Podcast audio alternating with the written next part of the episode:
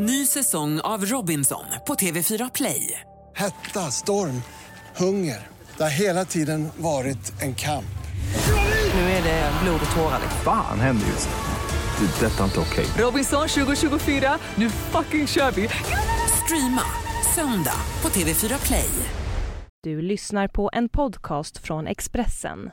Ansvarig utgivare är Thomas Mattsson. Fler poddar hittar du på expressen.se podcast och på iTunes.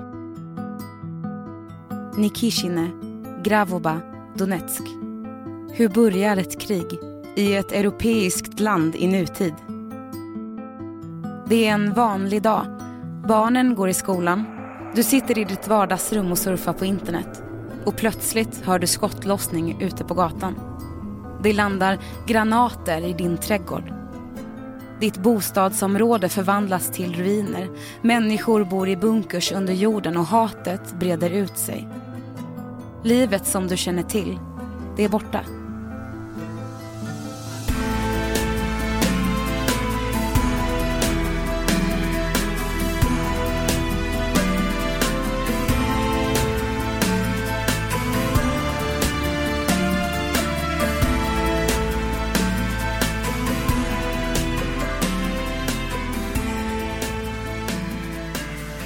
Först trodde vi det var åska.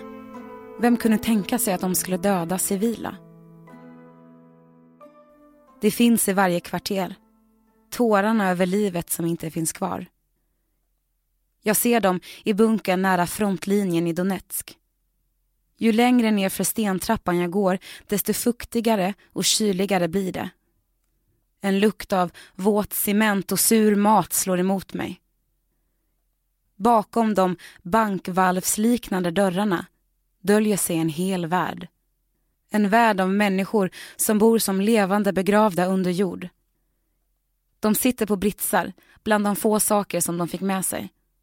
En gul hårborste, en bok om feng shui, ett fotografi av ett barnbarn. Med ensamma axlar och tårar som rinner över livet som inte finns kvar.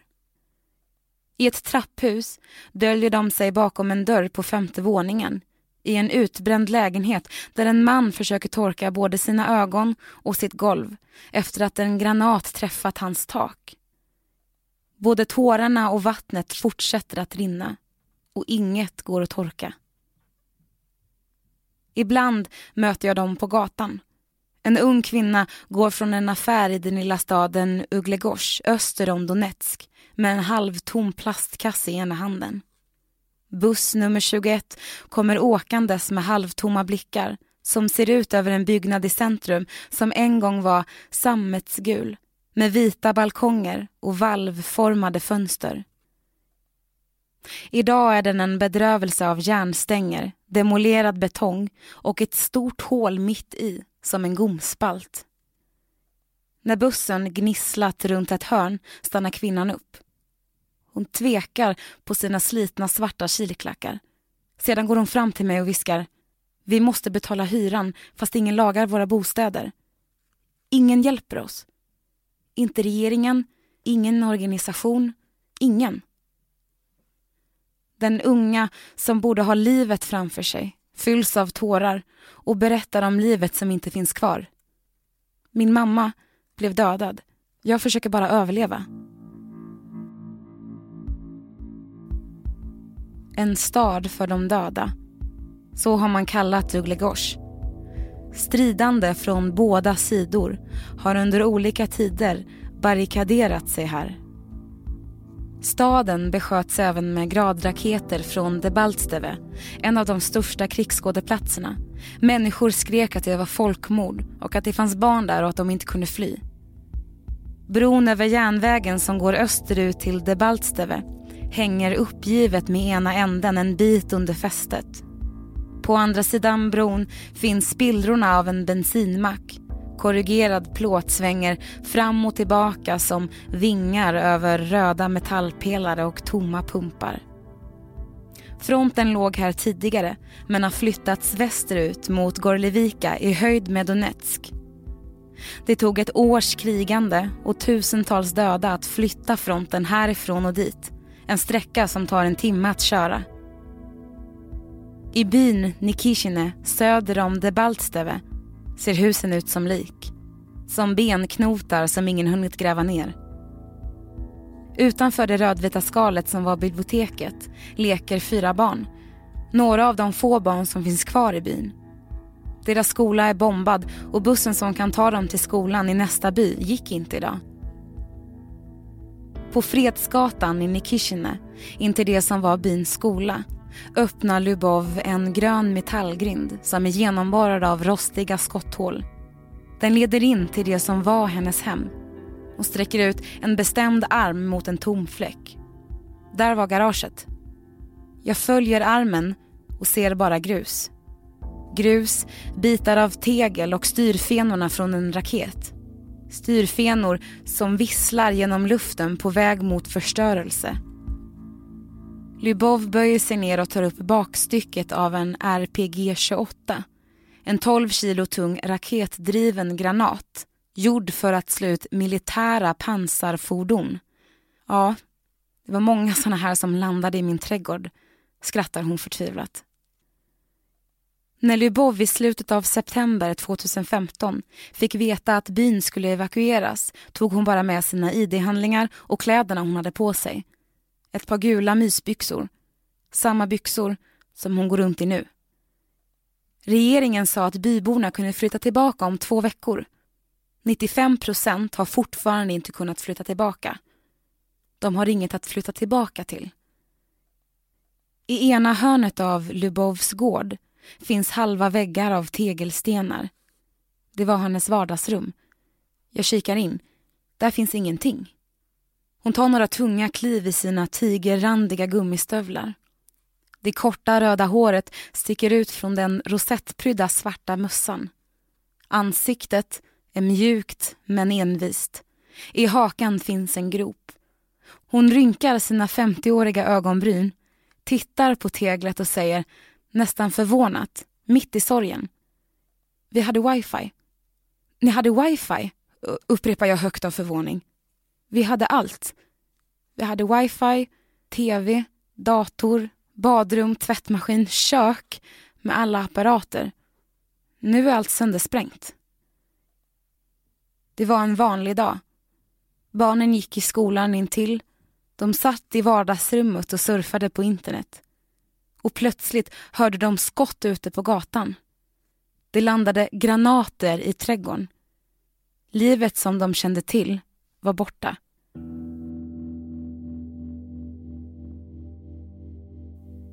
Lubovs föräldrar kommer från västra Ukraina och flyttade hit till öst. Jag undrar om hon vill vara en del av sin barndoms Ukraina. Nej, du ser ju själv hur det ser ut. Jag har förlorat mitt hem. Jag har förlorat allt. Varför ska jag vara med dem? Ukrainska armén sköt mot skolan och träffade mitt hus. De sköt sönder skolan, mitt hus, hela byn. Beroende på vilka rapporter man läser får man olika versioner av vad som hände inne i Kishine. Det var en tid då både nationella och internationella soldater fanns i regionen. Varför sköt ukrainska armén mot er? Frågar jag Lubov för att få hennes version. Jag vet inte. Här var bara fredfulla bybor. Inga soldater. Jag förstår inte varför de hatar oss så mycket. De sköt en gradraket in i mitt hus. Varför ska jag älska dem? De kommer inte ge tillbaka våra hus. Det här är bara politik för dem. Hon håller huvudet högt. Ett huvud som har bestämt sig för att inte ge upp. Släpper ut mig genom grinden till Fredsgatan som är förintat av krig. Söder om Nikishine slokar solrosfälten. Allt är öde. I fälten och dikena finns minnesstenar över de döda. På vissa ställen har vägen rasat. Det känns som att göra en resa in i tomheten. I juli 2014 var här inte tomt. Över fälten låg blodiga bitar av människor. Armar av män, ben av kvinnor, händer av barn. Väskor med semesterkläder, fotbollsskor med fötter i. Gosedjur som skulle trösta på planet.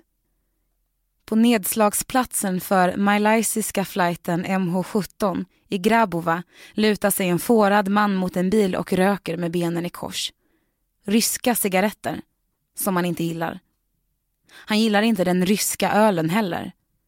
Sitt ukrainska pass gillar han däremot. Men så mycket ukrainskt finns inte längre här. Den fårade har en huva uppdragen. Ögonen är fästa på korset som går in i åkern. Korset som påminner om de 298 krigsbrottsoffren. I slutet av korset sitter nallebjörnar på rad med levande ljus framför sig. Först vill han inte prata. Den fårade vågar inte prata. Säger att han kan bli dödad om han pratar. Sen kan han inte sluta prata. Om hur han såg luftvärnsroboten, bukavfyrningssystemet, transporteras på en lastbil. Som han minns det var det en vit Volvo på förmiddagen den 17 juli. De fruktansvärda ljuden och den svarta röken på eftermiddagen. Om kroppsdelarna. Vem sköt ner planet? frågar jag. Han svarar lika rakt. Det var ryssarna. Det var ryssar här då. De gick genom huvudgatan här i byn varje dag och de hade med sig vapen och gradraketer. De gömde sig inne i privata hus och gick ut och sköt. Och vi såg dem. De betedde sig som att det här var deras hem. Han tänkte direkt att de sköt ner planet av misstag. De trodde det var militärt. Ukrainska armén hade plan här då för att försvara sitt land. Några veckor tidigare hade ett militärt ukrainskt plan blivit nedskjutet så först garvade vi och sa jaha, ett till. Sen såg vi att det var civilt. I oktober 2015 släppte en nederländsk panel sin slutliga rapport kring vad som fick MH17 att krascha. En rysktillverkad bukrobot.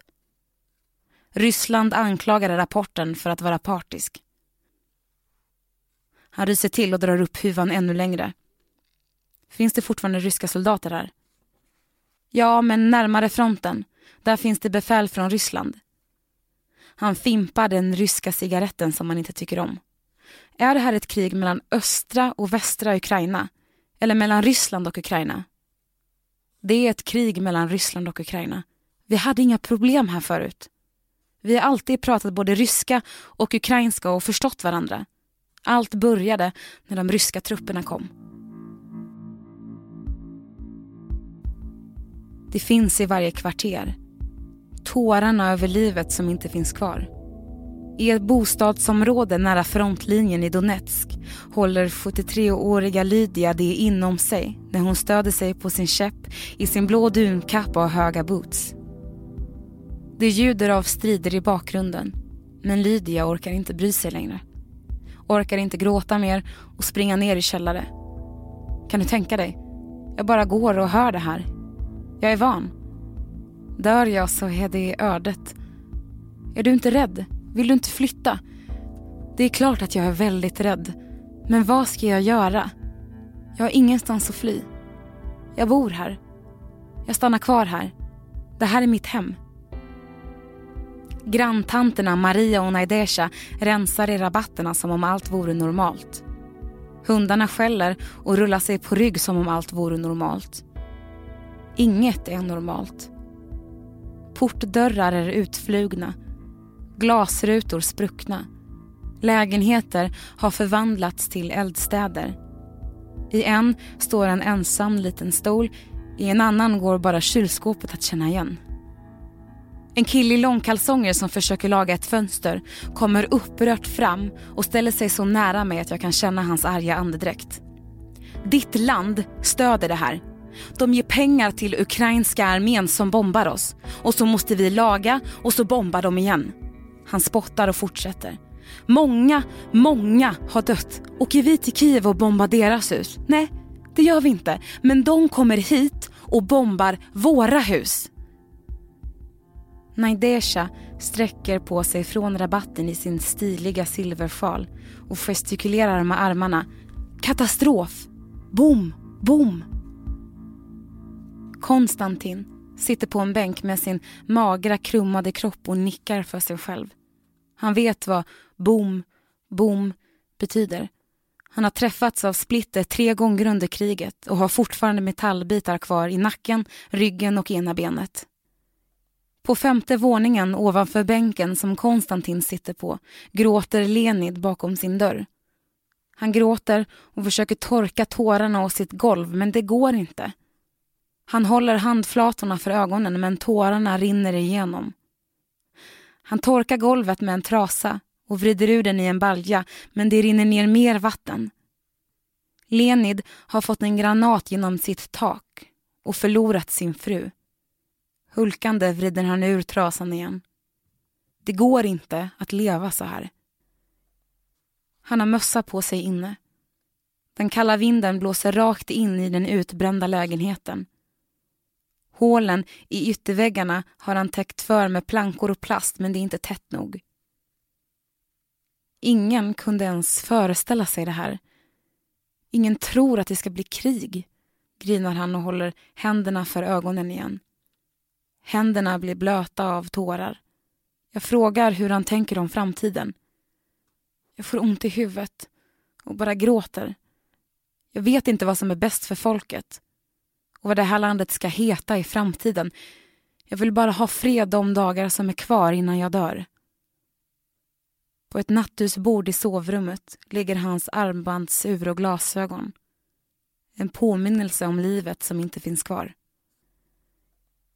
Tanterna Lydia, Naidesha och Maria försöker hålla kvar i livet som inte finns kvar. Det är därför som de rensar rabatterna. Maria, som har en lila sjal virad som en turban runt sitt platinablonda hår, skojar och säger att de här två åren som kriget har pågått har de åldrats och slutat tvätta sina ansikten och glömt både sina namn och hur gamla de är. Men när kriget är slut ska de bli vackra och unga igen och gifta sig och vara kära. Hon gör några danssteg till ljudet av smällarna från fronten. Men lika fort blir hon allvarlig och snörper ihop sin rosamålade mun. Alla vet vem som gjorde det här mot oss. Det var Kiev. Och om någon kan peka ut exakt vilka personer det var så kan vi döda dem. Vi hade allt här. Vi hade våra hem, våra barn, våra familjer. Snart kommer vi begravas på kyrkogården, men även kyrkogården har de bombat. Maria känner sig osäker på vem det är som bombar vid fronten nu. Tittar hon på lokal tv så säger de att det är ukrainska armén. Och tittar hon på ukrainsk tv så säger de att det är ryskfinansierade miliser här i Donetsk. Lydia har jobbat som lärare. Hon beskriver kriget som en politisk kamp mellan västra och östra Ukraina. Vi ville bara en sak och vi ville bara en sak förut. Att få prata ryska och få vår frihet. Och då kom de och bombade rakt i mitt hus.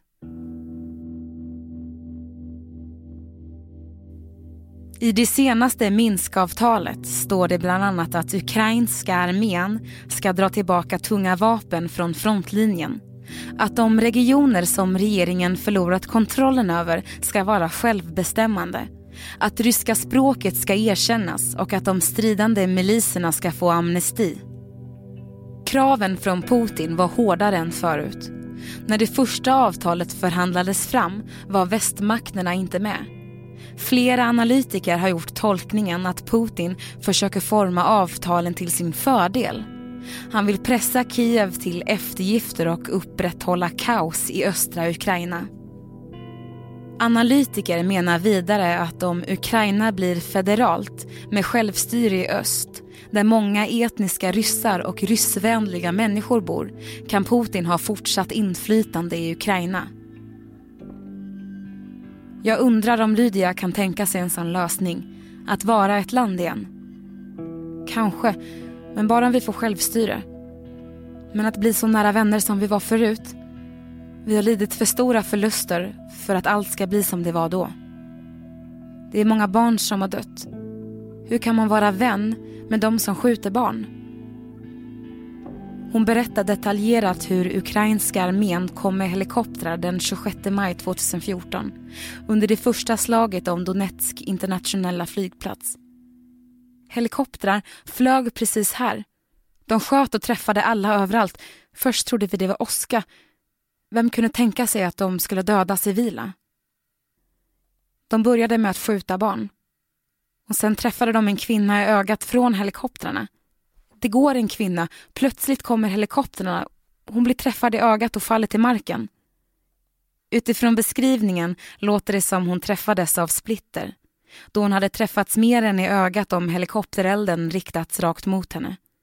Lydia är fortfarande chockad över det som hände. Hur kan jag känna efter det? Det är bara fruktansvärt. Vem kunde tänka sig att det här skulle hända nu, på 2000-talet? Döda barn och civila. Och ännu värre, det gjordes av våra egna bröder. De trodde att vi alla är separatister, att alla, till och med gamla tanter, bar vapen. Hon avbryter sig. Ja, jag har ett vapen. Min käpp här. De finns i varje kvarter. Tårarna över livet som inte finns kvar.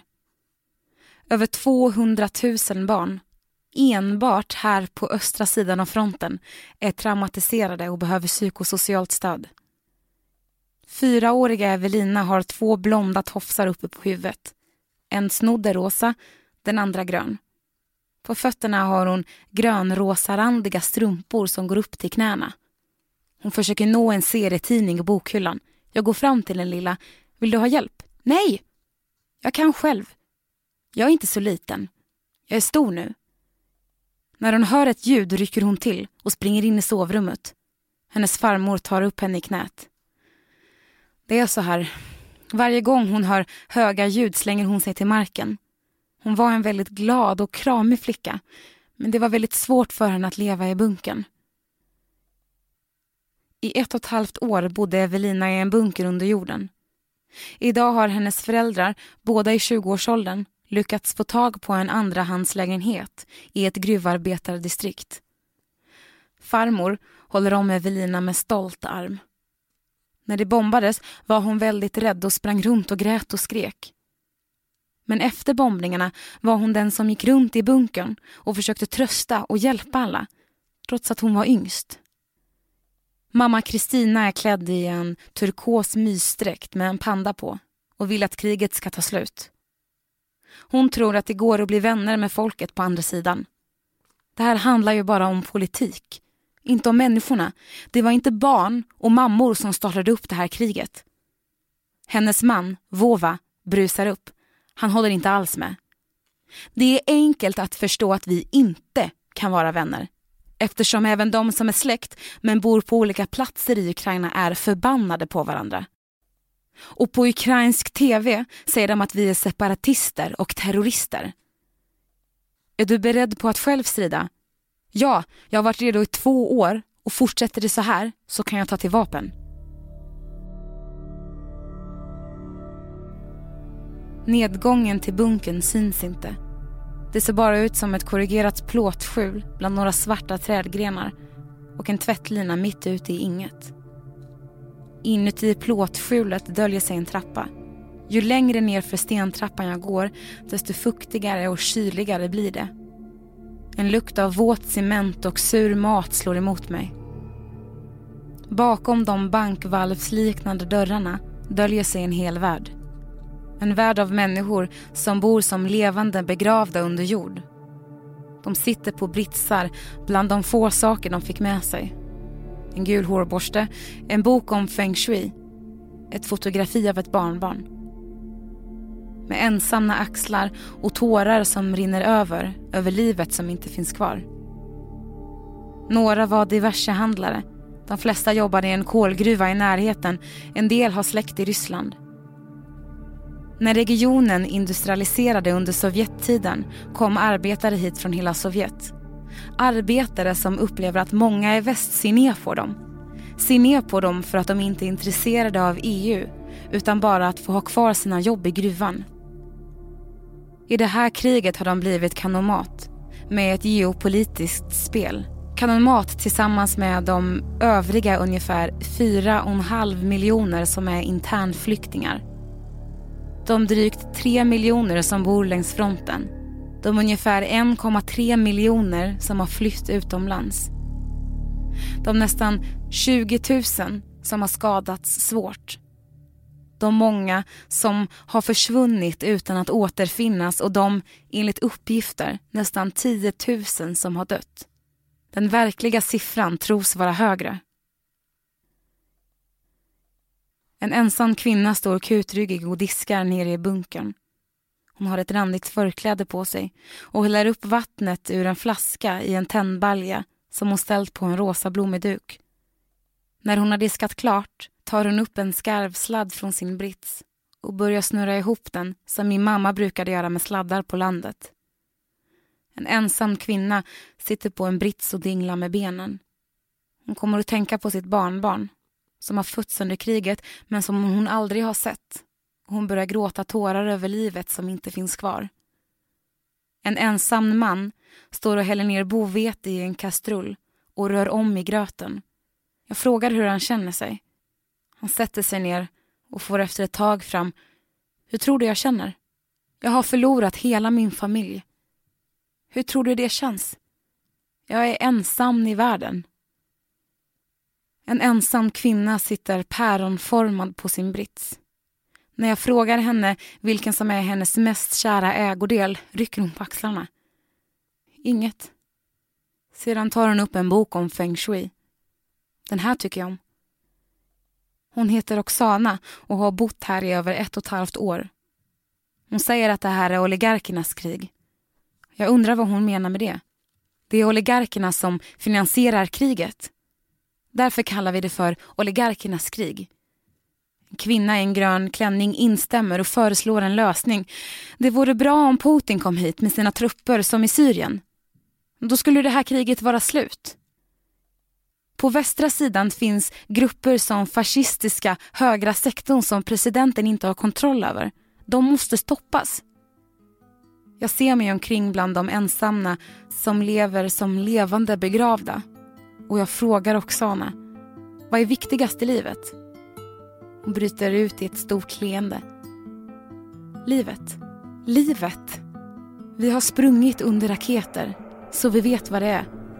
Vad som är viktigast. Det är livet.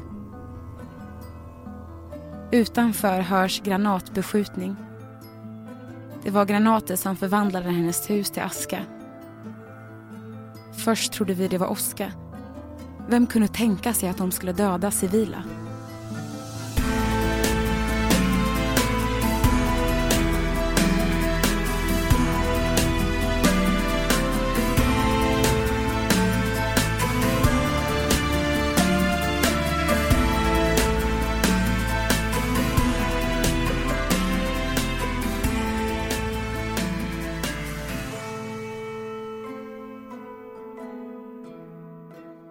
Du har lyssnat på en podcast från Expressen. Ansvarig utgivare är Thomas Mattsson. Fler poddar hittar du på expressen.se podcast och på iTunes. Ny säsong av Robinson på TV4 Play. Hetta, storm, hunger. Det har hela tiden varit en kamp. Nu är det blod och tårar. Fan händer just nu. Det. är Detta är inte okej. Robinson 2024, nu fucking kör vi! Streama söndag på TV4 Play.